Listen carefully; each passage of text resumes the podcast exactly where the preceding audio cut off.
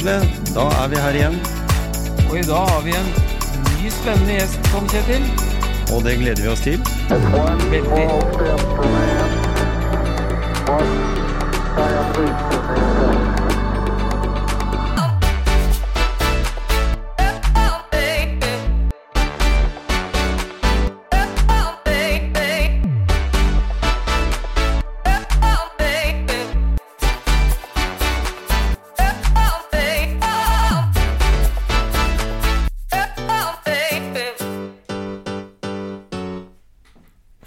Fotball-Gisle, det har du lang erfaring med, uh, har du ikke det? Ja. Karriere i Jeg begynte i juret, det. Jeg. Ja. jeg skulle fortsatt i juret, kanskje. Jeg Mhm. skulle ikke bytta Nei, jeg skal ikke snakke om det. Hvorfor ikke? Men nei, for at jeg tror jeg gjorde et dårlig valg. og det var du gikk til Nei, jeg gikk eh, Jeg vet ikke. Nei, jeg gikk til Eidanger, og gikk så, og så blei jeg et offer for at jeg var født på feil side av den der eh, kalenderen. Ikke sant? Sånn var det så når vi vokste opp. Jeg blei på en måte så liten og veik. så Nei da. Sånn er det for deg. Ikke noe stor, Sånn er det for deg ikke når noe du har- stor fotballkarriere, men jeg, jeg er nesten bedre nå, vet du. Ja. Sånn eh, Jeg skjønner i hvert fall fotball. Ja, ikke sant? Blitt mer klok. Ja. Men uh, han som har tatt turen til studio i dag, eh, han har jo spilt fotball i noen år. ja. 91-modell og greier. Niklas Gunnarsson, velkommen til uh, motivasjonspreik. Tusen takk. tusen takk Det var hyggelig at du kunne komme her mellom treninger og, og i det hele tatt. Det har, det har jo vært en lang og begivenhetsrik sesong. Ja, det har det definitivt vært. Det har vært Skulle egentlig starte i tidlig april, og så starta heller i slutten av, eller midten av mai. Er starten av juni, så det, var, eh, det har vært krevende. Ikke sant? Og, og det har jo på en måte vært Det har ikke vært den første sesongen, det er jo egentlig andre sesongen. Helt rett. For når vi snakka sammen i, i Oslo her i en eh, livsmotoprat, så, så var det jo skikkelig eh, Altså helt ny rutine for alle fotballag i Norge. Ja, det har vært eh, som sagt veldig krevende, og det har vært mye med smittevern og dialog med FHI og lege og testing og, og alt det der. Så det har vært, eh, det har vært tøft, og vi er fortsatt ikke ferdig med det. Så Nei, jeg på, eller jeg er spent på hvor lenge det kommer til å vare. Så det er bare å akseptere og Sånn er det bare. blitt en hverdag. Men allikevel da, så har det jo vært en, eh, en sesong i Strømsgodset for deg som har vært sånn eh, For lag, laget ditt, da, så har det vært litt sånn opp og ned. Vært det sånn Gått på noen smeller, men så har, du, så har dere skikkelig motivert dere opp igjen, og så gjort noen bra resultater. Ja. Og i år har dere vel egentlig hatt litt sånn taket på eh, det lokale laget her i Skien òg? ja, det var jo samme som i fjor. Det var det mot Odd i fjor var jo to sikreste seierne. Det var også i år. Så det Som gammel odder er det kjedelig, men Ja. eh, det er jo fryktelig deilig å slå Odd eh, på fire møter fire ganger, liksom. Det, det smaker godt. Det gjør det. Og, det, og, og allikevel så er det jo sånn som, som spillere, så, så er det jo folk du kjenner, eller er det liksom Har Odd en Når du kommer liksom der som, eh, som Strømsgodset-spiller, og du treffer gutta, er det mange igjen fra den gangen du var der? Nei, det er ikke så mange. Det er vel bare Rossbakk, eh, Steffen Hagen, Mm. eh, som er liksom at, eh, av de gutta jeg spilte med. Men så har man jo eh, Jan Frode og Marte Rønningen og liksom de i støtteapparatet Ja, som man eh, kjenner bedre. da Og også de som er i og rundt klubben. Som mange mener har vært der litt for lenge. Nei. Men, men eh, er det sånn at når du møter Odd, da Du er like hard i taklingene for det? Ja, altså jeg, jeg, Motivasjonen er til stede? jeg har jo spilt mot Odd eh, når jeg har spilt i andre klubber og, og tapt, så det er jo en, det er en kjip følelse. Så Mm. Det er ekstra digg med tanke på om man er oppvokst i, eh, i Grenland og, og kunne slå Odd når man spiller på et annet lag. Mm. Ja. Så det, det er ikke Altså Det andre er jo å tape, da, så da velger jeg heller å vinne. Men, men for å ta den karrieren din, da. Eh, du har jo, Niklas, hatt eh, en lang karriere fra du var i midten av tenåra omtrent. Forsøkte du da i klubber i utaskjærs, som vi kaller det her i Grenland. Stemmer du var en tur i England, da var du ganske ung. Ja. Eh, var det bare helt sånn eh, Det har jeg lyst på, eller hadde du noen rundt deg som gjerne ville at eh, Niklas skulle prøve noe, noe annet? Nei, jeg hadde ikke noe Altså Jeg var på en fotballskole i, eh, som jeg fikk som konfirmasjonsgave av mamma og pappa. Ja. Eh, og på den fotballskolen så gjorde jeg ganske bra. Da var jo også en annen lokal eh, fotballspiller, Petter Wickman, og Herulin Sjala med. ja. Så vi blei jo eh, invitert på ulike prøvespill til eh, klubber i eh, England. Så da reiste meg og Petter til Walsall. Så var vi Mhm. der en uke. Og så ble vi tilbudt å komme under en preseason en måned. Og så, etter en måneds tid, så fikk jeg kontrakt, og så slutta jeg skolen ja. i den perioden der, og så flytta dit. Det må ha vært litt sånn Det må ha gitt et lite kick, det der. Jeg tenker på en sånn ekstra motivasjon å få det så tidlig i karrieren, hvis en kan si det sånn. Ja, altså nå er ikke Jeg må innrømme at Walsall er en, akkurat da en eh, klubb som spiller League One. Eh, I dag spiller League Two, ikke noen storklubb, Nei, nei. men de er, de er kjent for å liksom få fram spillere da, Mm. eh, til championship. Uh, selvfølgelig var det en stor motivasjon, men uh, jeg tror sånn i ettertid at uh, mentalt sett så var jeg kanskje ikke klar. Eh, å flytte liksom fra et trygt miljø i Porsgrunland, mamma, Mm. pappa eh, og familie. Og så bare reise aleine til England og komme i det kyniske miljøet. Det var ingen kompiser. Ingen vil være kompiser. Fordi at uh, man er liksom 35 spillere i et akademi, og så er det kanskje en eller to som får proffkontrakt. da. Og det var jo helt annet nivå jeg var, hva jeg var vant til. Jeg hadde jo spilt bare Eller trent med A-laget til Porscht, som var jo da toppen av andredivisjon, Mm. eh, og spilte tredjedivisjon mot lokale lag, og med all respekt for lokale lag den gangen, men å spille liksom mot Chelseas akademilag Wolverhampton, Wigan, Stoke og det her, det er, eh, det er natt og dag, spesielt når det er eh, Det er så mange ulike nasjonaliteter. Mm. Så det er liksom, her er folk som på en måte ofrer si, ja, armene sine for å bli fotballspiller og liksom forsørge familien sin. Ja, Eh, Så det var, det, var- det var lite sjokk. det var beinhardt. Det var det. Men, men det bygde jo vel opp en karriere, fordi i den perioden der så hadde du jo noen uh, U-landslagskamper.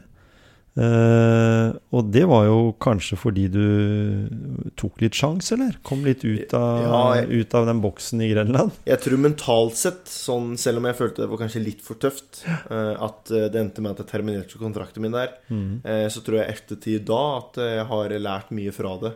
At jeg har blitt mye tøffere i skallen. Mm. Og det har jo vist også at jeg har hatt lyst til å reise til utlandet når jeg har hatt mulighet. da For ellers kunne jeg alltid valgt tryggen til å på en måte signere en ny kontrakt med Odd eh, i eh, 2013. da Men da var lysten på å komme til andre lag, møte andre mennesker, få nye impulser, opplevelser eh, mye større da enn det, den trygghetsfølelsen. da Mm.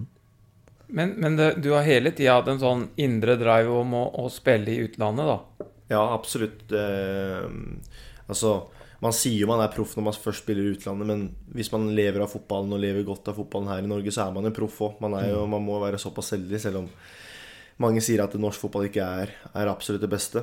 Eh, men man lever fortsatt godt, og det er jo fortsatt mange som prøver å bli fotballspillere, men nålet er jo ekstremt trangt. Man, Mm. man sier jo ikke når man er åtte år gammel at man ønsker å spille i Odd eller Gods eller Rosenborg eller Vålerenga. Man vil jo spille United, Barca, eller Madrid. Ja. Men det er jo en promille av alle verdens fotballspillere som får den muligheten. Mm. Um, men ja, på svaret ditt så selvfølgelig har jeg, hadde jeg alltid lyst til å spytte utlandet. Definitivt. For du har, du har jo vært i Skottland, og du har, du har jo vært i Italia òg, har jeg stemmer. skjønt? En liten, en liten visitt der òg. Ja. Det er sant, det. Mm. Så da har du jo på en måte nådd eh, noen av drømmene dine, da. Ja, altså absolutt. Jeg har fått, uh, fått ekstremt eh, store opplevelser som jeg kan ta med meg når jeg er en gammel mann. Mm. men når jeg var yngre, så hadde jeg selvfølgelig lyst, som 99% av alle andre, spille i de store klubbene, spille i Premier League. Spille foran 50 000-60 000 hver eneste uke. Det er jo drømmen. Ja. Og så er jeg liksom, da har jeg mest sannsynlig ikke vært god nok som fotballspiller. Derfor jeg har trent og vært dedikert og alltid gjort uh, de tingene der. Men da handler det om eh, kvalitet, da, og såpass ærlig og realistisk er jeg at eh, hvis jeg hadde vært god nok, så hadde man blitt henta. Så det, det verste jeg veit, er når folk sier at eh, jeg kunne bli fotballspiller, men, men, men. Men det er, liksom, det er ikke noe man kan velge sjøl. Du er avhengig av at noen andre tror på det. Ja. Så jeg ville gjerne spilt i Premier League, men jeg har skjønt at jeg ikke var god nok. Men, men når, det- når det gjelder plass på banen, da, så, så er det jo sånn Kanskje eh, at drømmen til en liten gutt er å spille foran og putte mange, mange mål, da. Selvfølgelig. Men du har jo blitt forsvarsspiller. Ja, altså det, men det er ikke selvvalgt, da. Jeg var jo spiss da jeg var eh, Jeg vet ikke, fram til jeg var 13 år. Ja. Så skjønte jeg at det, her kommer jeg ikke få noen karriere. Og så gikk jeg ned på midtbanen og indreløper. Så husker jeg jeg hadde to trenere i, i Porsche som het Erik Skrevtaut og Truls Vallestad. Og da, de mente at eh, du kan bli en tippeligaspiller hvis du spiller, forsvar- er forsvarsspiller, men midtballspiller blir du ikke tippeligaspiller. Så da hørte jeg rolig på de to, og de hadde rett til slutt. Ja.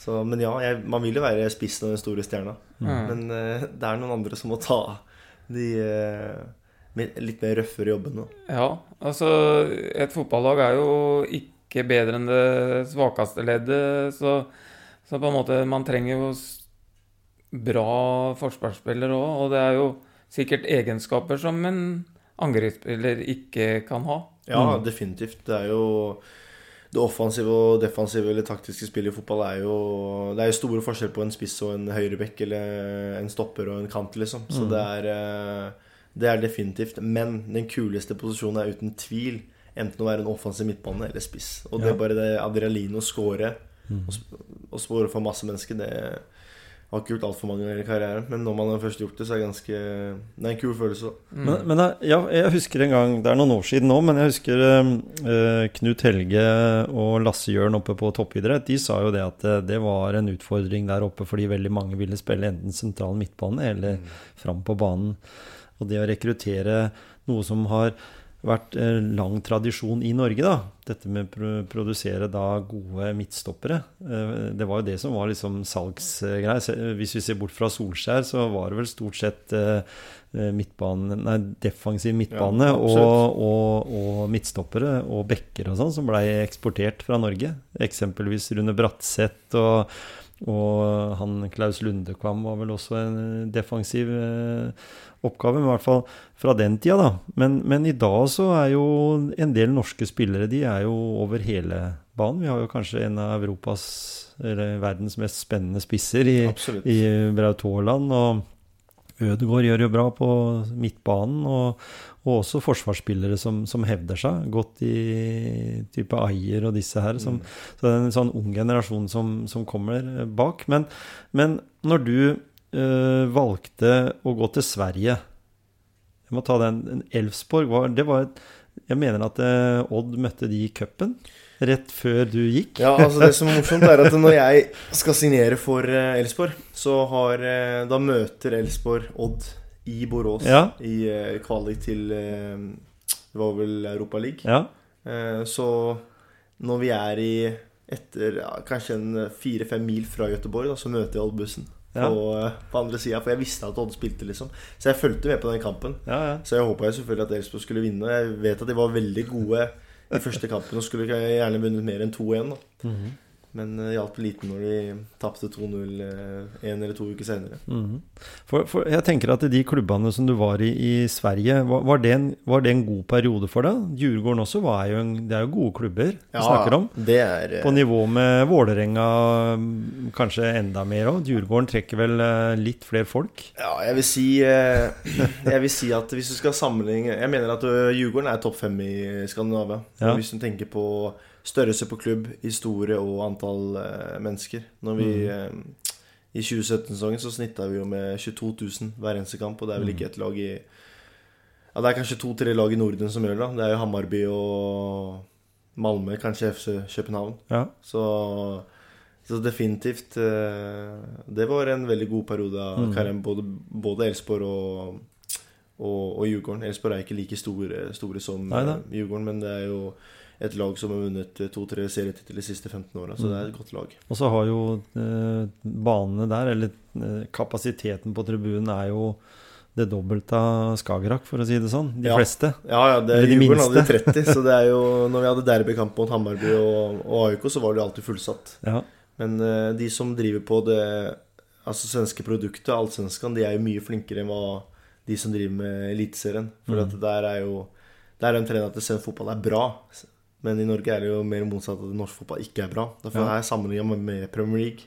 Men i Sverige så er det liksom Det gjør man bare ikke. Eh, derfor man skjønner at det er en forskjell der. ja, ikke sant? Eh, Så de har klart å skape et engasjement som Norge kanskje hadde eh, midten av 2000-tallet. da Mm. 2005 da hadde jo, vet jeg, Vålerenga hadde 20 000-21 000 hver eneste hjemmekamp med Martin Andresen. Ja. Eh, så det Så det har skjedd liksom litt der med, med fotballen. Det har ikke bare vært pandemien, for det har jo på en måte Det har kanskje satt en liten brems på, på noe, men etter at de åpna, så, så, så, så må de jo prestere bra på banen også. Og, og, og jeg tenker at eh, Og det kan du sikkert si mer om, men, men eh, å ha noen profiler det er vel kanskje viktig for alle fotballag. Ja, Eh, det vil vel kanskje du som midtstopper gjerne ha på laget ditt. Ha en tre-fire profiler som, som i dag dessverre blir solgt. Mm. Ser vi på sånn som kanskje klubber som Bodø-Glimt, som har greid å, og allikevel hente opp nye talenter, og Mm. ikke bli dårligere ved å selge. Eh, men det tapper jo også Eliteserien for gode spillere, da, tenker jeg. Definitivt. Selv om det kommer unge nye opp, så, så, så, så blir det jo sånn. Men det er vel litt sånn penga som rår. Den Ja, ja. må ha penger inn nå hvis den skal drive norsk fotball. Ja, man må det. Det er, eh, det er sånn fotballen har blitt. Det har jo blitt business. Og jeg tenker jo for um, skandinaviske klubber at hvis de kan selge en spiller for alt fra 10 til 100 millioner, da, med tanke på at Mm. Botheim ble solgt nå for 100, så gir det fantastisk, eh, fantastiske muligheter for klubben med fasiliteter og gi yngre um, Altså ungdomsspiller sjansen, da. Ja, ja. Eh, men så er det jo Man må jo ta vare på de pengene. Man vet jo f.eks. i Strømsgodset solgte jo Martin Ødegaard og veldig mange andre spillere for mye penger. Mm. Eh, men der har man jo ikke klart å investere de pengene på en god måte. Så det hjelper liksom ikke hvis man, eh, hvis man kaster pengene på hente kanskje altfor mange spillere, eller altfor mange spillere med høy lønn. Mm. eh, eller dyre treningsturer. eh, hvis man ikke har resultater hele tida, da. Nei.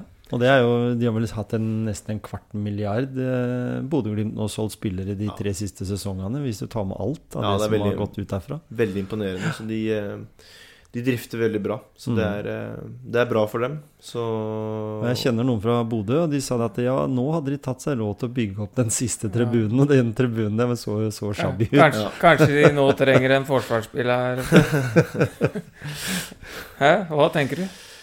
Eh, altså, jeg tror nok at eh, det hadde sikkert vært kult. Jeg hadde Etter Djurgården så hadde jeg en mulighet til å, å Da prata jeg i hvert fall med Bjørkan. Eh, Men eh, akkurat Det her er jo i 2017-18, så det er jo Da var faktisk det økonomiske tilbudet altfor dårlig. Um, så da Så da var det helt egentlig uaktuelt. Mm. Eh, og, men uh, nå er det jo mye rikere, men jeg tror den profilen jeg er nå, eh, at, jeg er, eh, at jeg er 30 år eh, den, Jeg tror ikke den profilen er noe de eh, er ute etter. For de har jo en stopper som er ett år eldre enn meg, i Ja. Brede Mo. Og det har sagt at vi har gjerne én etablert i hver eneste lagdel som er Mm. litt godt voksen, og det har de i de fleste lagdelene nå. Ikke sant? Så Og jeg Jeg vet ikke om jeg har prestert bra nok for å være en eh, kandidat til eh, Bodø. Så det Sånn er det. Men, men eh, du, har jo, du har jo vært innom flere klubber som senior. Ja. Samtidig så har du jo faktisk eh, en landskamp også. Det stemmer. Eh, Hvem var det mot, og når? Det var i eh, Det var mot Portugal, i Portugal, i eh, Det var rett før EM 2016, så det var vel i juni, juli eh, Ja, juli må det ha vært. 29. Ja. mai. 29. mai, ja. Ja, ja. Da var det, ja. stemmer det. Ja, Det var 29. mai, ja. Men det, det må jo være Det også er jo en sånn type guttedrøm å, å få lov til å tre på seg den drakta. Ja, jeg, altså jeg, jeg lever på den. Det er, ja, hvis man diskuterer med kompiser, fotballkollegaer det, Jeg kan alltid nevne denne, liksom, hvis de ikke har hatt landskamper sjøl. Det er viktig å ha liksom den der uh, smashen der. Ja. Mm. Og Men, men også liksom Ikke sant, du har vært Jeg har sett at du har hatt en klubb i Skottland, og så har du hatt Sarpsborg, og så, som Tom Kjetil sier, Sverige, og Men jeg tenker Hva er din motivasjon til å bytte klubb, og hva ser en klubb etter? Er det en type, type spiller som passer inn i et system? Mm. Og hva, hva eventuelt gjør det med deg som fotballspiller å bytte øh, klubb? Eh, gjør det noe sportslig med deg? Bli, må du jobbe enda hardere for å beholde liksom på en måte den sportslige kvaliteten. Da. Jeg, jeg vet ikke, Hvis det er nye systemer, så må du jo tilegne deg det, eller Altså, Det første spørsmålet ditt av motivasjonen min er at jeg, jeg, vil være, jeg vil prøve av ulike klubber fordi at eh, jeg vil møte nye mennesker, og det gir et utrolig kontaktnett i framtida. Mm. Eh, og, og det gir meg på en måte en liten trigger. At, eh, at, eh, at man tar, tar imot nye utfordringer. For alltid å komme til en ny klubb er jo eh, alltid tøft, fordi at du kjenner jo ikke alle. Men i Norge så har man jo fått et sånt navn at uh, uansett hvilken klubb jeg eventuelt hadde gått til, så hadde jeg kjent en eller to eller tre personer. Og nå har man blitt såpass eh, etablert og rutinert, så det er liksom, de fleste vet jo hvem man er, fordi at det er et lite miljø. Um, når det gjelder liksom klubbene, så er jo at de Altså en, Hvis man skal scoute på en spiller, da, eller på en måte rekruttere en spiller, så det en, burde være en lang prosess for en klubb. da. Eh, fordi at det er ikke bare det at de skal hente en god fotballspiller, men de må jo se om eh, han eller hun, da, for å ta eksempelet der, men at, eh, at funker de i vår, eh, i vår kjernegruppe? Åssen er det i form av hierarkiet? Er det, en, er det en dominant person? Er det en person som er mer eh, ikke en leder? Eh, og sånne ting. Og jeg vet f.eks. når eh, Jostein Fro eh, henta meg, da, så sa han til meg at han ringte både folk i Odd, han ringte folk i Vålerenga, han ringte folk i Sarpsborg. Mm. Spurte profilen og ulike personer som hadde eventuelt kjennskap til meg. da eh, Og det mener jeg er eh, at det er eh, god rekruttering fra en sportssjef. Mm. Derfor handler det ikke bare om Hvis du henter en spiller som har prestert bra, men det betyr ikke at den spilleren presterer bra i den eh, klubben som man er sportssjef til. Da. For det er Man jobber med mange ulike eh, individer, og det er jo eh, Selv om man sier fotball er en lagsport, så er det en brutal individuell sport òg. For det er kun elleve spillere som kan spille, og det er sjelden at man hvis man er litt sånn den skorpa om om å starte og ikke starte, Mm. og hvis du eventuelt sitter på benken Selvfølgelig Du vil at laget skal vinne og gjøre bra, men innerst inne så eh, vil du at laget ikke skal gjøre det bra. Ja. Fordi at hvis laget gjør det bra, så får jo det bety at du ikke får spille. Mm. Hvis man vinner seks kamper på rad Du bytter jo ikke lag seks kamper på rad. Men hvis laget taper to kamper på rad, så må man gjøre bytter. Mm. Og da får nye personer sjansen til å eh, vise seg fram. Um, og når det gjelder min profil, så er jo Med tanke på at jeg kan spille, jeg har spilt i mange ulike klubber, så har jeg fått en eh, fantastisk erfaring da, som jeg kan videreføre til eh, yngre spillere. Mm. Og så er jeg en, en enkel person. Jeg er jo en ledertype, så jeg kan jo Jeg funker jo med de fleste, liksom. Det er kjenner at jeg går i stor clinch hvis det ikke er at jeg føler at jeg må. Mm. Men så det er alltid Jeg er en veldig enkel person å ha med å gjøre. da. For du, klubben vet akkurat hva du får. For god mentalitet, for treningskultur. Pluss at eh, jeg har erfaring som eh, få spillere i, i Norge har. Mm. Så det er jo på en måte mi, altså mine fordeler Mm. som spiller. Og jeg skjønner jo da at du er ikke ferdig som fotballspiller. Nei, det er helt rett. Men er det noen andre ting du må ta hensyn til det nå når du har passert 30, da? Sånn jeg tenker sånn treningsmessig og sånn. Ja, definitivt. Det er jo som vi snakka om eh, før eh, vi starta der, at, eh, at jeg har jo At jeg må jo trene mer. Jeg må jo trene mer skadeforebyggende. Mm. Eh, og fotballen har utvikla seg ganske mye bare de 15 årene jeg har vært med aktiv. Det er jo at eh, det var ikke noe som het prep og, og eh, sånn der sein recovery etter en økt. Det var jo veldig sjeldent. Mm. Eh, så jeg mener nå er det jo vanlig, i hvert fall i godset, så prepper vi 30 minutter før en trening. Og det, må, det er felles, det må alle være med på. Eh, og man må gjøre restitusjon etter økta. Med isbad. Eh, vi har isbad, vi har bobler, vi har badstue, så vi har jo mange muligheter. Mm. Eh, men jeg føler jo at eh, jeg trener mer nå enn hva jeg gjorde før. Før kunne jeg kanskje trene mer fotball. Derfor, hvis man er med på alle fotballøkene i uka, så kunne man alltid kjøre noe ekstra. Og det gjør man av og til òg, men det er nok smartere hvis man eh, fokuserer på kjernemuskulatur, eller hvis du har hatt skavanker i legg, jeg vet ikke, bakside lår, lysk, Mm. framside lår, at man på en måte jobber med det hele tida, så du holder alltid sjakk. Mm. Uh, fordi at det blir jo Som dere begge to vet, at når man blir eldre, så blir jo kroppen annerledes. Kontra hva man var ung og lovende. Det, vet Men- jeg, men- det vet jeg ingenting om. Nei, ikke det, nei. Men jeg tenker at det kan være noe å lære for de yngre spillerne å begynne enda tidligere med den type jobb, da, for å si det sånn. Ja, absolutt. Altså skadeforebyggende. Mm. Altså, jeg skulle ønske jeg kunne visst alle de ting jeg vet i dag, skulle ønske jeg kunne visst når jeg var tolv år. Ja. For da, da har man jo en sinnssyk eh, Da har man en sinnssyk skalle, da. Mm. For da vet man jo akkurat hva man burde og ikke burde gjøre. Mm. Og når man er ung, så er det jo ofte Jeg husker jo bare det når man spilte med jeg vet ikke, Tommy Stein Larsen, Frode Johnsen, at eh, de sa jo ting også som jeg vet i dag, liksom. Men når man er eh, 18-19, så tenker man ikke det på samme måte. Man har liksom, man tenker karrieren er lang, du har mange år igjen, bla, bla, bla. Og så, så bare flyr det. Altså tida bare går sånn her. Så det er liksom man, Det er viktig å høre på de eldre, altså. Skulle kanskje hørt enda mer, mer på de, selv om man eh, var, eh, var relativt flink. Men eh, selvfølgelig, det er man, skal, man har noe å lære av eldre spillere. Det er ikke noe tvil om det. For hvis man har spilt ja, 15 sesonger på toppnivå i, i Norge eller Sverige eller Skandinavia eller Europa, så har man eh, ekstrem erfaring. da. Det er jo samme på jobb òg. Har man jobba ti år på en arbeidsplass, så har man mye mer erfaring og livskvalitet enn personen som starter på første året og er ung. Mm. Og, og, det, og da tenker jeg Det er jo noen eh, som gjør det der at du ønsker da å prøve deg ut på, på nye arenaer. Har, er det en slags nysgjerrighet som du har i deg? Altså du, du er jo litt nysgjerrig, som du sier, sånn, hvis du ser på fotball som en jobb, da, og det er det jo for deg. Så, så må du være litt nysgjerrig på hva, hva, hva, hva kan jeg, jeg utrette der, på en måte. Ja, Og, de, og de klubbene du har vært i i Norge, så har det jo vært i klubber som du kunne sikkert ha cruisa, om ikke kanskje spille fast hele tida, så kunne du sikkert fint eh, for, for la oss si fem år siden, da. Istedenfor å gå ut av Norge, så kunne du sikkert ha gått en klubb tre-fire i Norge, også i Eliteserien. Ja. Eh, men kanskje vært litt ut og inn av lag og sånn, sånn som det ofte er på de, de nivåene der.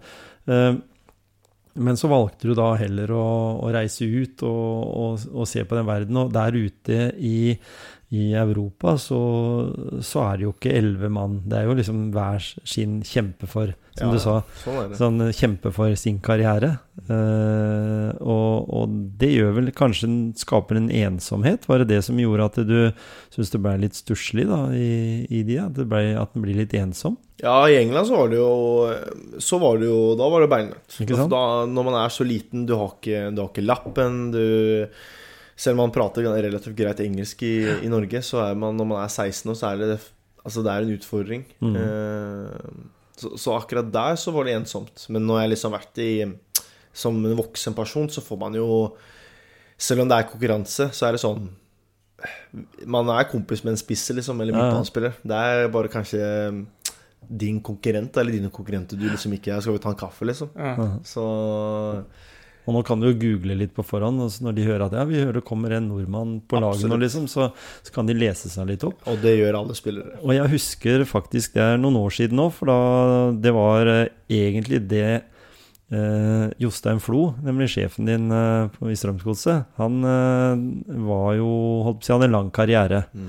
Og den kroppen hans begynte å bli litt sånn små, småråtten etter hvert, hvis du skal si det på den måten. Eh, og da husker jeg han sa det at eh, han måtte nettopp gjennom det som du gjør, at han måtte kjøre mer eh, alternativ trening og lengre økter. Mm. Og Det samme var, jo- gjaldt jo Frode Johnsen også, når du, når du holder deg oppe i 40 år. Men, men for oss da, Gisle, du og jeg vi hadde jo fotballøkt vi i podkasten vår i, ute på Uredd. Mm, og der, eh, der eh, la jeg merke til at eh, der eh, hadde du mye å jobbe med.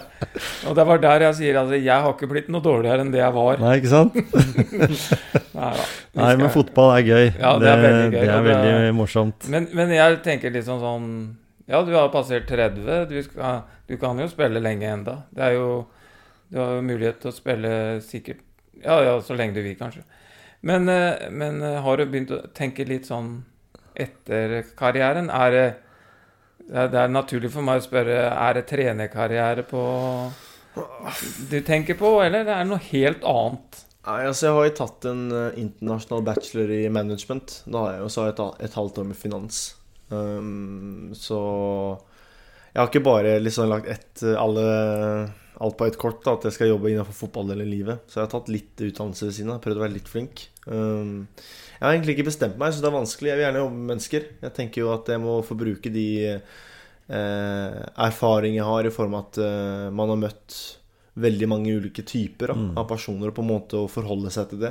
Um, Så gjerne jobbe med mennesker. Og det må absolutt ikke være eh, fotballrelatert eller idrettsrelatert. Um, så jeg veit faktisk ikke, altså. Så syns jeg sabla interessant med aksjer og fond og Altså børsen generelt. Og synes Ja. er, eh, det syns jeg er veldig interessant. Men så vet man at det er et jag i den bransjen her. At det er mye jobbing. Så jeg vet ikke hvor fett det er hvis man spiller til man er Jeg vet ikke. Jeg håper jo 38-40 ja, da tar en Frode Johnsen, en, en à la Morten Fevang. Ja, ikke Men sant? si mellom 36 og til 40, da. Eh, hvor kult det er med det jaget å sitte og analysere aksjer og børsen når man er eh, Når man er i den fasen av livet, da. Mm. Det veit jeg ikke. Eh, så jeg har egentlig ikke bestemt meg. Men eh, det er jo mange muligheter, og jeg håper jo at jeg har et såpass eh, godt rykte i, i alle klubbene jeg har vært i med tanke på sponsorer, da. At, eh, at jeg er ganske sikker på at jeg kommer til å få en jobb av Mm. en eller annen eh, sponsorsjef. Det har alltid hatt en veldig god eh, dialog og relasjon med når man har møtt de, så det, det har vært kult. Men, men har det vært sånn at når Niklas har gått inn i en kontraktsforhandling, eh, har du gjort jobben sjøl? Har du stå, stått der, eller har du hatt et sånt eh, støtteapparat rundt deg? Gisle, vi har snakka om den gode hjelperen tidligere. Har du noen gode hjelpere, du, som har liksom stått litt i det for deg? Ja, altså jeg har jo eh, Min far har jo vært den eh, viktigste personen. Han er jo Han var jo en eh, velkjent agent med Rune Hauge på 90-tallet, og alle vet jo hvilke spillere Rune Hauge hadde. Um, så han har jo alltid hjulpet meg um, som en rådgiver. Mm. Um, jeg har jo hatt agenter, men uh, jeg vil alltid på en måte snakke med pappa om det, for jeg vet Mm. at uh, en agent kan komme og si at de har en klubb, og så skal de ha veldig mye prosenter av det. Mm. Uh, og da er det fint å alltid ha pappa som ikke krever en krone, liksom. Ja, Som vil på en måte det beste for meg hele tida.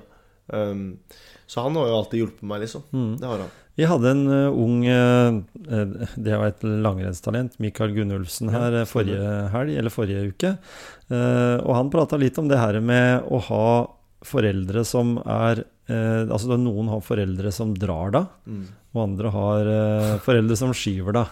Hvor vil du sette faren din hen i, i den karrieren du har hatt? For den har jo blitt noen år. Ja, den har blitt en åre. Ja. Nei, han, har vært, eh, han har vært den viktigste støttespilleren min. Eh, Han har aldri, eh, aldri presset meg til å spille fotball. Jeg drev jo med kampsport i fem år før jeg Mm. be- begynte ordentlig med fotball. Så og han har meg, jeg har hatt veldig flaks han har gitt meg gode tips. Ja. Fordi at du kan ha Jeg har jo masse kompiser som har fantastiske foreldre som har alltid stilt opp og kjørt kamp og vært med på bortekamper og liksom alltid vært på en måte en lagleder da, Mm. i en klubb. Mm. Men de rette tipsa, de råda kanskje man trenger sant? Si hvis man taper ti Nei, du var flink, du, det tapte bare ti, men du spilte bra. Eh, det er jo noen foreldre som bare ønsker det beste for barna sine hele tida. Det er liksom Mm. ikke noe press. Eh, så har jeg jo fått eh, tips og råd av pappa med tanke på at han, han har jo hatt sin karriere som både fotballtrener og landslagstrener og agent. Mm. Um, så han har gitt meg tips at hvis du skal bli god, så må du trene sjøl. Du kan ikke be pappa se på deg. Nei. hvis da jeg var liten, så ville jeg alltid at pappa skulle se når jeg triksa. Men det er liksom sånn tidlig, jeg vet ikke, 7-8, at det, du kan liksom ikke at be folk skal se på deg. Det er, du må trene sjøl. Det er ingen som gjør det for deg. Eh, og det her med når man kommer i en viss alder, 16-17, når damer blir interessant og fester blir interessant Og jeg hadde masse veldig gode venner i, i, i Porsche, eh, som var mine bestevenner. Men de starta med at eh, ja, kan, kanskje gikk ut på en fredag eller en lørdag. Da. Eh, Og Mm. da var liksom ganske streng beskjed at, at, fra pappa at du har én karriere, du har én mulighet. Du kan godt gjøre det her, og du får lov til å gjøre det, men ikke kom tilbake om fire år når du ikke er god nok. At du angrer. Eh, Så jeg fikk veldig gode tips og råd da, Mm. gjennom mm. veien, Mm. eh, som har hjulpet meg masse. Så han har aldri eh, hindra meg til noe, eller at, at det har liksom vært et, et mas. Det er liksom at jeg har eh, gått liksom det første steget, da. Mm. Så han hjulpet meg på veien, liksom. Ikke sant? Mm. Og det er jo mye av det vi ser og har hørt av de andre vi har snakka med som er foreldre. Oddbjørn Hjelmelseth, han ga jo eh, sønnen og dattera valg, og så Mm. støtta de opp. Mm.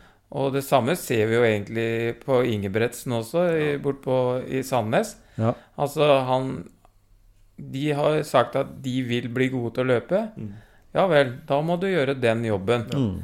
Mens eh, de andre brødrene som har sagt 'det her vil vi ikke være med på', så er det helt ok. Mm. Så jeg tror nok det er en sånn gjenganger for de som eh, de barna av, som lykkes, da. Men allikevel så er det jo veldig greit å ha en pappa som har litt sånn trenererfaring, og som kanskje kan se at det, ja, Niklas han har jo, han har jo talent, da. Mm. For, for ikke å komme til deg og si det at du, Niklas, det her, her er ikke noe for deg, vet du. Du må heller eh, drive med kampsport eller, Ja, eller gjøre noe For, for, for, det har noe med eh, om, om ikke jeg skal si at du har alle de cupmesterskapene og, og gullklokka innenfor landslag, så, så er det jo en prestasjon i seg sjøl å ha landskamp og spille i, i såpass mange klubber eh, med den erfaringa du har. Og de, den erfaringa er jo det som du sa her i stad, det er jo det de andre klubbene kjøper. Ja. Det er jo spilleren også, selvsagt, for du skal jo prestere ut på banen der, men, men mye også den, den erfaringa. At et lag trenger en rutinert spiller i hver lagdel. Jeg tror kanskje, for å nevne en annen klubb da, som, som du har et forhold til òg, sånn som Odd, kanskje har slitt litt fordi Steffen Hagen f.eks. ikke har vært der. Selv om han øh, var litt rusten når han først kom i gang, så, så trenger i hvert fall eh, Bjørtuft og de andre unge gutta rundt der, de trenger en eh, og, Espen Ruud var vel ute også i, Mm. samme perioden. Men, All rutinen men er borte. apropos det med landslag, det glemte jeg å si. Jeg har jo spilt på landslag, jeg. Har du det? Men så våkna jeg, Ja, du drømte at du hadde gjort det? ikke sant? Ja, Så det er jo en drøm. ja, Uansett. ja. ja. Det er en drøm. Spille med flagget på brystet, er det ikke så de sier? Helt klart. Det er eh, Så den, stor den det, det, som du sier, du er stolt av, og det, det, det skal du jo være, ikke sant? Ja. Så det er liksom Ja. Har du da nevnt Vi har vel nevnt litt grann på det, men uh, hva er det som uh, skjer rundt Nicolas nå framover? Er det noe Er du fortsatt eh, Studerer du parallelt med, med jobbinga i fotballverden? Nei, dessverre. Det har jeg vært etter at uh, jeg var ferdig med den uh, Med det halve året med finans i Ja. uh, midten av eh, 2017, så tenkte jeg noe deilig med en pause. For det, Mm. har vært, det har vært så hektisk. Men Så jeg får se. Jeg får se om, om, om jeg reiser til utlandet igjen, så er det veldig fint å Ja. kunne studere noe online. Eh, Det har vært utrolig bra. Mm. Eh, Men det er veldig deilig å ikke studere òg, jeg må si det. Det har mye Det er mye fritid, og da kan man liksom være ut, veldig seriøs, da. Ja. For det er jo ikke noe tvil om at eh, når jeg studerte 100 ved siden av fotballen, så er det jo Det ligger jo mye dedikasjon i det, da. Mm. Så det var jo at man måtte jo studere tre-fire timer hver eneste dag. Min skole lå jo i, i Aalborg, Mm. på universitetet der. Så det er jo alle forelesninger var online, og innleveringer og alt der. Og da, da må man ofre noe, da. Og det er jo sånn det er uansett uh, hva man har lyst til å bli. Hvis man har lyst til å bli lege eller advokat eller sånne ting, så er det, Mm. det er beina jobbing. Ja. Um, så det er jo Det er liksom ikke så kult. Jeg veit ikke. Uh, Så når du har en treningshverdag eh, med fire til fem timer trening, så er det jo fullt forståelig. For det er mange som sier at ja, fotballspillere har så mye ledig tid. ja. Eh, Kan ikke studere ved siden av. Og det er gjort mange forsøk på det i klubber der det skulle ha liksom eh, Altså ha tid etter et treningsøkt til å, å tenke noe fag. Eh, Men det kan jo sikkert spørre eller snakke med de som går på toppidrett om òg, at det er ganske heftig. ja, det er, Det er, noe, det, er, eh, det er topp. Det er, rått, altså. Ja, man, trener jo, man trener jo nesten mer når man, når man går på toppidrett. For da har man jo eh, trening tidlig på morgenen, Ja. og så har du skole, og så har du trening med respektive lag, eller Mm. uansett, altså, uansett hvilken idrett idrett man driver med, da. Men eh, ja, det er tøft, og jeg, jeg mener at eh, for de fleste klubben så burde det nesten Burde nesten være krav at i hvert fall videregående er fullført. Vi Ja. har jo spillere i, i godset som ikke eh, studerer, eh, eller går har fullført videregående. Eh, og personlig så Jeg skjønner jo det at det her at hvis man blir veldig god fotballspiller, Mm. så da trenger man jo ikke jobbe verken noe hele resten av livet. Nei. Det er jo Hvis snittlønna i Premier League på 25-30 millioner, og du, du spiller der seks sesonger, så må du ikke studere ved siden av. Nei.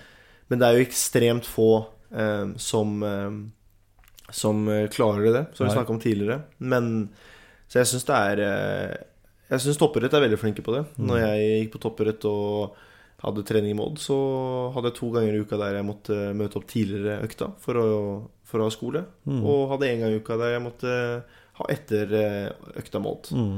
Og, og det er jo veldig bra. For Mm. de, eh, de, de legger til rette for at man skal på en måte lykkes. Og vi som spilte i Odd, hadde jo kjempefordel i forhold til de som spilte i Porsche, Dange, eller Tollnes. Mm. Eh, så vi var jo veldig heldige, da. Eh, men f.eks. toppidrett i Godset er jo ikke nærheten. Der er, jo, der er det jo vanskelig for de spillerne å egentlig trene med oss, men de må jo trene med oss de har Mm. kontrakt. Ja. Så det burde være krav og Jeg tror det er viktig å, å være ganske realistisk og tøffe mot yngre personer. At det, det er bra å ha drømmer, det er bra ambisjoner, men Mm. selv om du trener mest, så betyr det ikke at du klarer likevel. Nei. Det kan fort bare være at til, slutt, til slutt ikke du er god nok. Da. Mm. At, man er, at utdannelse er utrolig viktig. Og at man kanskje ikke skal fullføre å være 100% da, men altså i hvert fall fullføre videregående. For hvis Mm. du sitter der som 25-åring Og så selvfølgelig det finnes kreative personer som ja, Petter Stordalen, som ikke trenger utdannelse for å At du er bare en, eh, en entreprenør, en startup som har bare en sinnssyk idé. Mm. Ja. Men det er også det eksempelet der at eh, det er tusenvis som prøver å ha det produktet, Mm. det, den tingen som ikke blir den store. Og det er, en- det er en røff Hva skal jeg si? Et røft samfunn. Det er en tøff, eh, tøff kamp om plassen i uansett jobb. Det er jo det. Så jeg tror Både på fotballbanen og utafor. Alt, alt Ja. mulig. Det er ikke noe Det er uansett Hvis du har lyst til å jobbe på et, eh, ja, et, en stor jobb i Oslo f.eks., så er det Mm. beina konkurranse. For da Ja. er det konkurranse for hele landet. Mm. Så det er ikke Så utdannelse er utrolig Utdannelse viktig. er viktig. Og Men, til, men til neste år, mm. når vi, Tom Kjetil, vi skal på fotballkamp og så se, se på deg, da. Mm.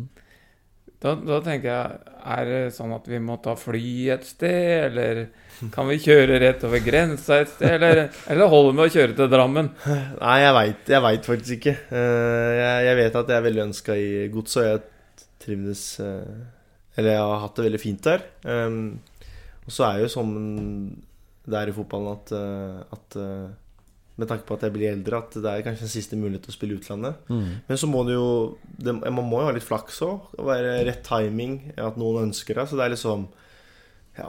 Det, det er liksom eh, Hvis jeg hadde hatt svar nå, så kunne jeg sagt det, men det har jeg ikke. Og jeg vet fra egen erfaring at når jeg var fri agent etter 2018-sesongen, så venta jeg også eh, tre uker før Godset kom på, på døra og spurte om jeg var interessert. Mm, så jeg stresser ikke. Og jeg fikk et, eh, faktisk et eksotisk tilbud fra eh, et lag i New Zealand. Mm. Et lag som heter Wellington Phoenix, som spiller i australske A-ligaen, som er vel eliteserien i Australia. Mm. Men da føler jeg liksom at det er, det er for langt å Mm. reise med fly, tidssone og alt det der. Kan ikke reise hjem i helgen da. Nei, det, blir ikke, det, ikke at jeg har problemer med å reise hjem i helgene, men, eh, men eh, det, det har vært utrolig kult. Men Mm. det er liksom ikke, da er ikke det verdt det. Eh, Så det Men jeg ser, jeg ser en mulig karriere, da. Ja, ja, få høre. En gamle treneren din som gjør bra borte i USA. Ja, det Det er land, det er jo et land som, eh, som er interessant også for toppspillere, i hvert fall for å gjøre litt eh, penger da, av det. Fordi det er som du sier, en må jo tenke på den hverdagen, selv om du nevner at du har åtte år igjen av karrieren din, da, eh, kanskje ti. Så er det kanskje et land det går an å spille lenger i. Ja, sånn, alder har ikke så mye å si, men mer rutine og, og talentet ditt, da. definitivt. Ja. definitivt. Så det, det har vært Det er vel veldig kult, det. Mm. Eh, så vi får egentlig se. Altså. Ja. Jeg, stresser, jeg stresser veldig lite.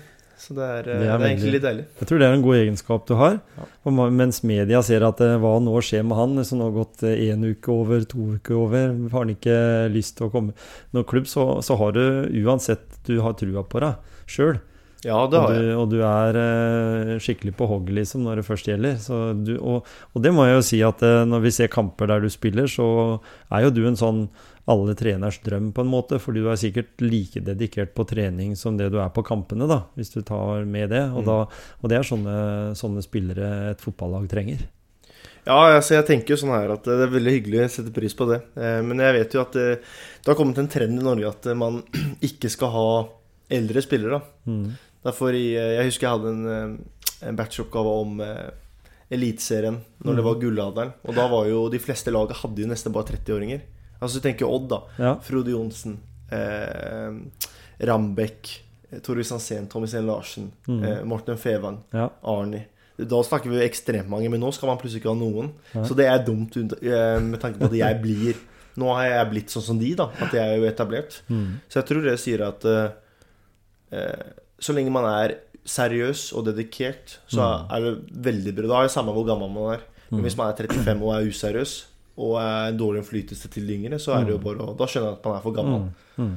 Um, så jeg håper jo at uh, at klubber ikke tenker sånn at vi må bare ha 23-åringer, liksom. Mm. Det, det tror jeg faktisk er en sånn spiller, eh, som Zlatan.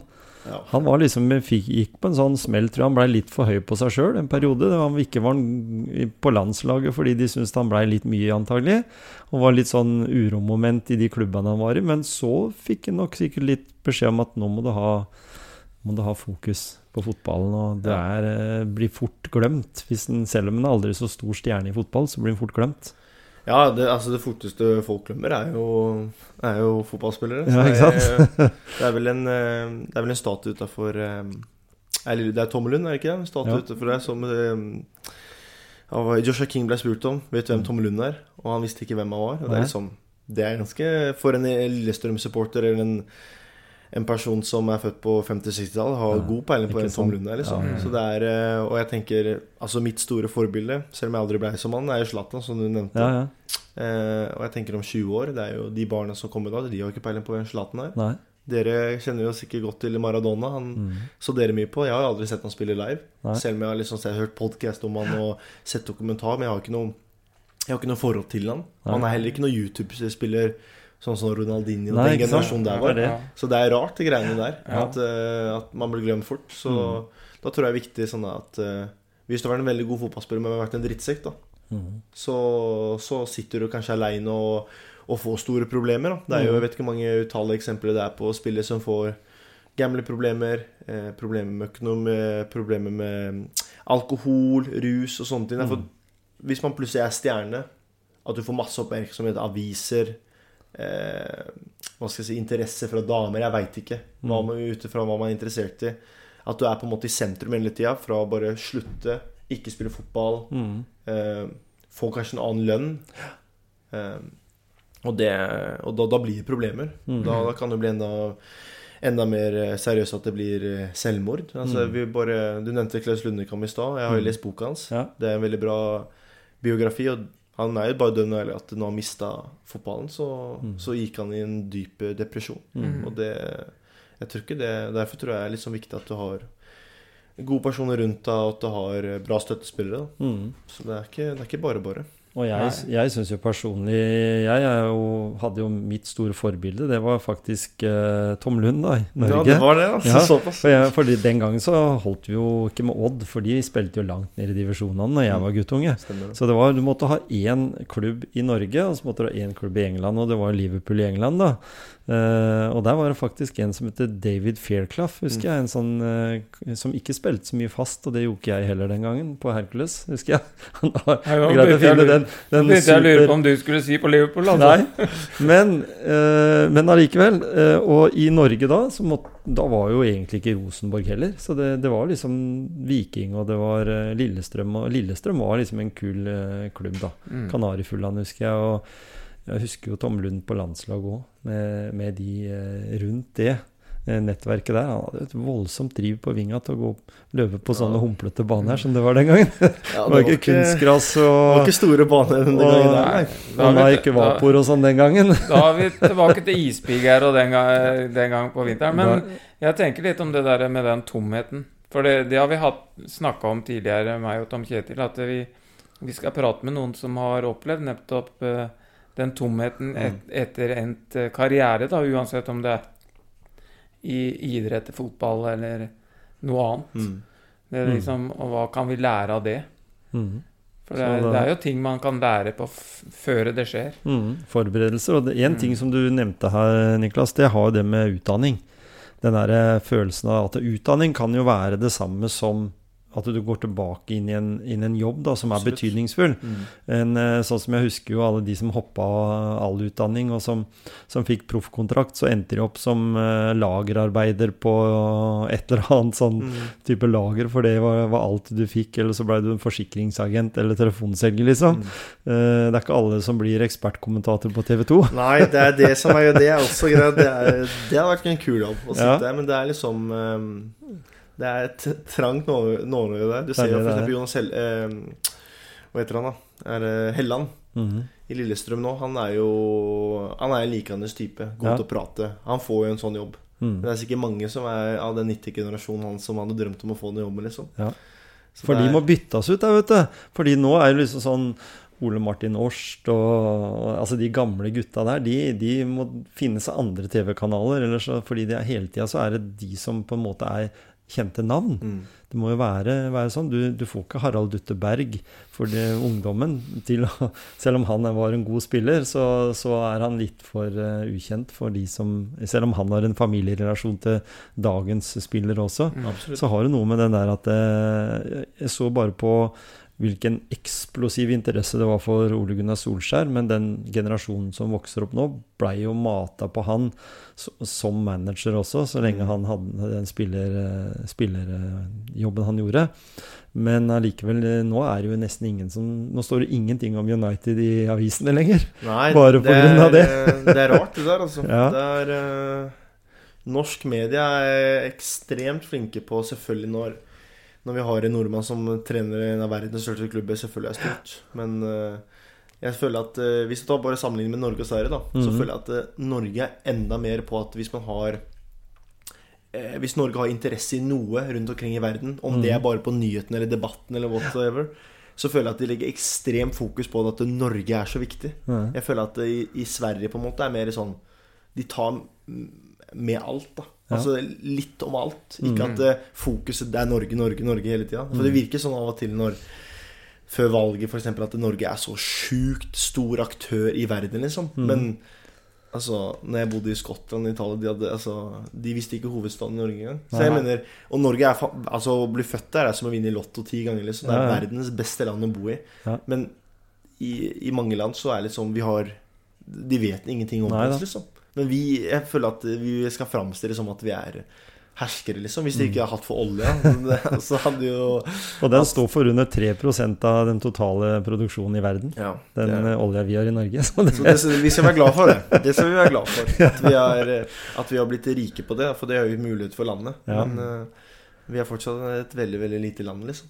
Men jeg har lyst til å spørre deg sånn mot slutten her nå, eh, dette her med eh, som eh, en person da, som er mye i treningsmiljøet innen, innen toppidretten, da, som, du, som du er aktiv i.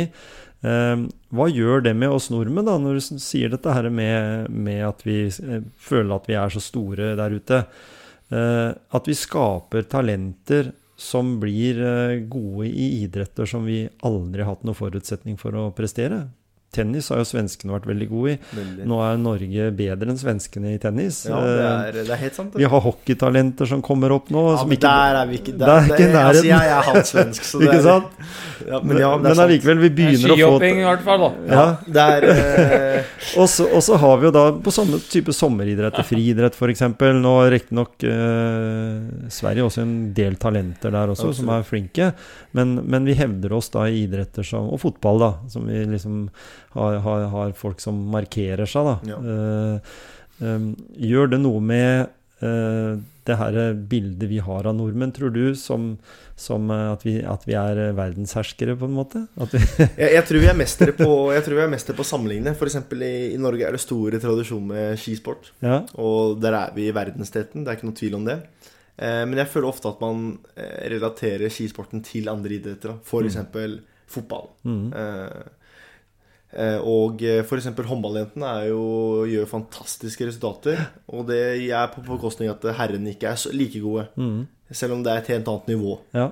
Um, så jeg, jeg syns liksom at, at, vi, at vi vinner eh, OL-gull i 400 meter. Vi vinner 1500 meter. Vi har eh, Kasper Ruud, som nevnte i tennis. Mm. Du har Hovland i Ja, golf. i altså, golf. Det er, er, altså, vi har så mange fantastiske talenter. Du nevnte Mm. også Haaland. Så jeg mener vi skal bare være glad for at vi- får fram Mm. så mange idrettsutøvere. Mm. men jeg syns det er synd at man alltid eh, At man alltid skal sammenligne med Altså ta, sammenligne ulike idretter. da. Jeg syns Mm. det er så synd at f.eks. ski er i Norge ja, topp tre, topp to i Mm. verden. da Mm. Men hvor mange land er det som driver med ski, da? Kontra en, en, en sommeridrett. At Karsten Warholm vinner 400 meter. Altså 100 meter er det mest populære når det gjelder friidrett. Mm. Men å vinne 400 meter, altså det er så stort at eh, Altså Jeg håper jo at han vinner eh, idrettsgallaen. Ja, 100 han blir jo det. han, Ja, jeg tror Han er jo kåra til verdens Ja, beste friidrettsutøver. ja. Men jeg tenker sånn at golf gigant Altså I Norge er kanskje ikke golf så stort, men altså i USA, bare for å være med på de store turneringene, det er helt sinnssykt. Og Kasper Ruud Altså, unge tennisspillere de trener jo seks-syv timer hver eneste dag. Det, er, det er helt fabelaktig. Eh, men jeg syns liksom at eh, Norge, liksom, siden det alltid er god i vinteridrett, så skal det alltid liksom Det er liksom da skal man sammenligne det med, med sommeridretter. Da. Og det er vanskeligere for en som driver med sommeridrett, å være i nærheten av de forutsetningene som har i vinteridrett. Det er grunnen til at eh, jeg vet ikke, brasilianere eller, eller afrikanske land da, at, de ikke, at de ikke driver sommeridrett. De har jo ikke forutsetningene for å, for å drive med det. Men, alli, men allikevel så har du den her driven som eh, Gisle og jeg har prata om. Så, så ville det vel vært sånn at eh, når, når vi har Ingebrigtsen, da, gutta gutta der, eh, som da trener mye metodetrening som afrikanerne gjør òg, Mm. og nå begynner å slå de, liksom. Eh, så da kan vi vel vente sånn storinnrykk av afrikanske og brasilianske skiløpere etter hvert. Ja, det har blitt Så, for, for alt Men, men det, det har jo noe med penger å gjøre òg. Selvsagt. Hvis du kan bli fotballspiller i, i, i Brasil, i en storklubb, eh, Ja, der veien er, er kortere, så kommer du fra fattigdom og Ja. får bedre betalt altså, enn, en å gå på luselønn fra Olympiatoppen. ja, For ikke, du blir jo ikke rik av det. Det, det er jo noen få som, som lever godt. Selvfølgelig. Eh, Mens andre de går på type eh, nesten sånn stipend. Ja, det er tøft. Mm. Men jeg husker jo at f.eks. med Ingebrigtsen familie at eh, han ble ikke hylla i starten. Da ble han, eh, var han idiotforklart og at han ikke hadde peiling. Og... Men nå er han jo blitt hylla, selvfølgelig. Når man Ja. får tre, tre løpere i verdenseliten, så, Mm. så har man gjort noe rett. Men det er det som er litt morsomt, at det, det fins alltid besserwissere. Og selvfølgelig Olympiatoppen er jo det beste i, beste i landet, men Ja, det, det, er, det er ikke sånn at det hjelper de som prøver å gjøre noe annet, da. Nei, Og det, og det får meg til å tenke på at det liksom hvis, du, hvis du på en måte er fornøyd med det du gjorde i går, da, mm. treningsmessig, og ikke er nysgjerrig på å, å utvikle det, så, så er du akterutseilt, liksom. Mm. Og det gjelder jo for deg òg som fotballspiller. Hvis ikke du trener bedre i morgen, så blir du på det nivået du er, Mm. og så kanskje ikke du henger med. Så det er jo liksom, må jo være en motivasjon det å hele tida kunne utvikle deg som fotballspiller videre og for å henge med da, de, de ti åra Ja, til absolutt. som er absolutt. Det, du har helt rett i det. Man må være nysgjerrig på å ville være seriøs og trene. da At man Mm. ikke alltid får mulighet til å trene bedre. For det er noen ganger at man, man ikke har forutsett eller muligheten da Mm. til å gjøre at man f.eks. er skada eller, Ja. eller sånne ting. Men det er ikke noe tvil om at eh, Altså det, idretten utvikler seg hele tida. Mm. Så hvis du ikke klarer å utvikle seg sjøl selv om du er 35, da Mm. så sliter du mot uh, unge gutter som er 20-21, som, Mm. som kan trene mye mer. Ja, for, for det er vel sånn at på de åra du har spilt eh, toppfotball, så har jo fotballen endra seg. Ja. Altså den er hurtigere. Det Ja. ser vi jo når vi ser til og med Veldig. kamper eh, Kanskje ikke her på Skagerrak, men jo da, det gjør det der òg. Eh, det går raskere. Ja, ja. Og du ser det, og du ser de talentene, de, de unge, da, som du sier. Eh, de har jo ikke så mye rutine, så de kan jo vinne 5-1 i den ene kampen, og så kan de tape 3-0 og ikke ha én målsjanse, liksom. I den andre, hvis du bare har et ungt lag, så kommer den rutinen inn nå. Men det er ikke tvil om at hvis du ser en landskamp i dag, så er det en helt annen hurtighet. Hvis landslaget av 2021 til Ståle Solbakken hadde møtt Drillo i 1994, Ja, altså, det- ja, så er det to forskjellige verdener. Ja, det, det Jeg så en sånn der eh, eh, forskning på eh, VM-finalen fra 80-tallet Mm. kontra VM-finalen 2006 når Tyskland spilte. Ja. Det var ikke én sprint de første ti minuttene eh, eh, i VM-finalen på 80-tallet. Ikke én sprint kontra. Og det er liksom I fotballen før på 90-tallet, når norske lag var veldig gode, Mm. og spesielt landslaget, så var det pga. at eh, vi kunne løpe så mye mer med eh, enn de. Og f.eks. i eliteseriekamper. Vi løper nesten mer enn hva de gjør i Premier League. Mm. Men de har mer sprinter, de har mer maks Ja. Og det er det som er forskjellen. Mm. Hvis du kan løpe raskere flere ganger, Mm. så da har du en ekstrem forskjell i fotball. Da. Ja.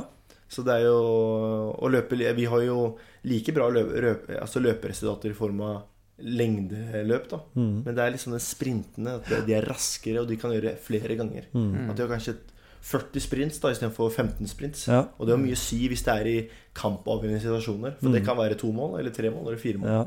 Og så mer sånn taktisk eh, vite hvor kommer ballen, og Ja, ja. sånn at du er på plass. Eh, Du, det er vel nesten sånn I håndball så er det jo trekk. Ja. Og da tenker jeg at det kanskje er mer trekk i fotball nå enn det var for eh, 20-25 år siden også. Ja, det er, Mm. ikke, det er ikke noe tvil om at det er, eh, at det er eh, blitt mye mer taktisk. Ja. Det jo, men det handler litt om økonomi. Da.